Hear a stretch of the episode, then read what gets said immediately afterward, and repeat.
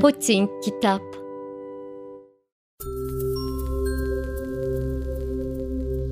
İkinci Bölüm Altı yıl önce büyük çöl üstünde uçağım kaza yapana kadar bir dostum olmadan yaşadım. Motorum arızalanmıştı.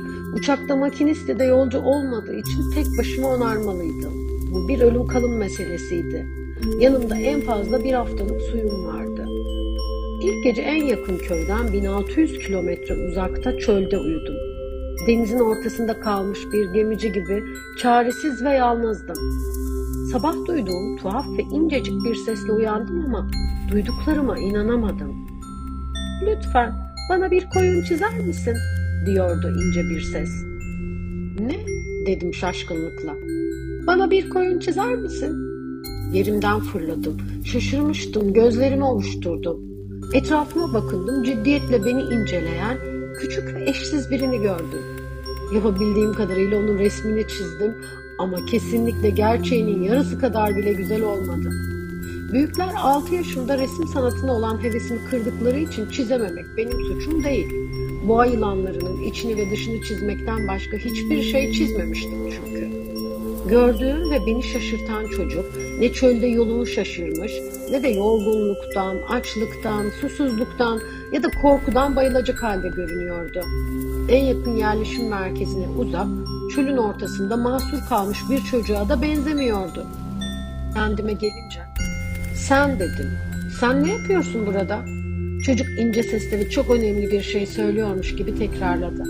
Lütfen bana bir koyun çizer misin? Üzüntüyle ben resim yapamıyorum ki dedim. Önemli değil dedi bir koyun çiziver işte. O güne kadar hiç koyun resmi yapmamıştım. El alışkanlığıyla becerebildiğim ama kimsenin anlamadığı iki resimden biri olan boğa yılanının dıştan görünüşünü çizdim. Ama o beni çok şaşırtarak Hayır, hayır dedi. Boğa yılanın içindeki bir fil istemiyorum. Boğa çok tehlikeli bir yaratıktır.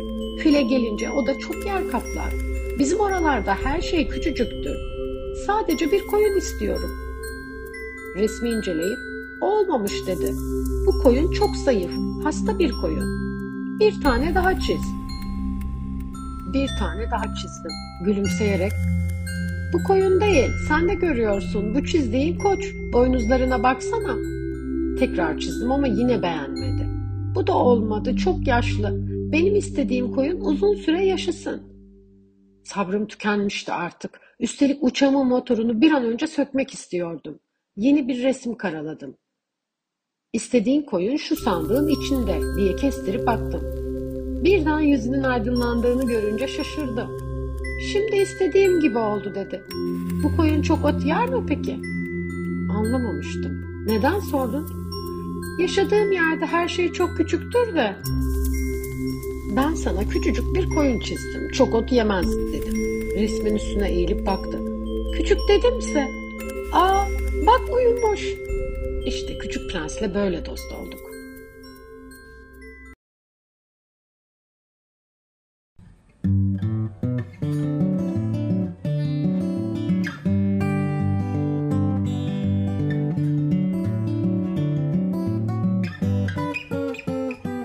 Poçink Kitap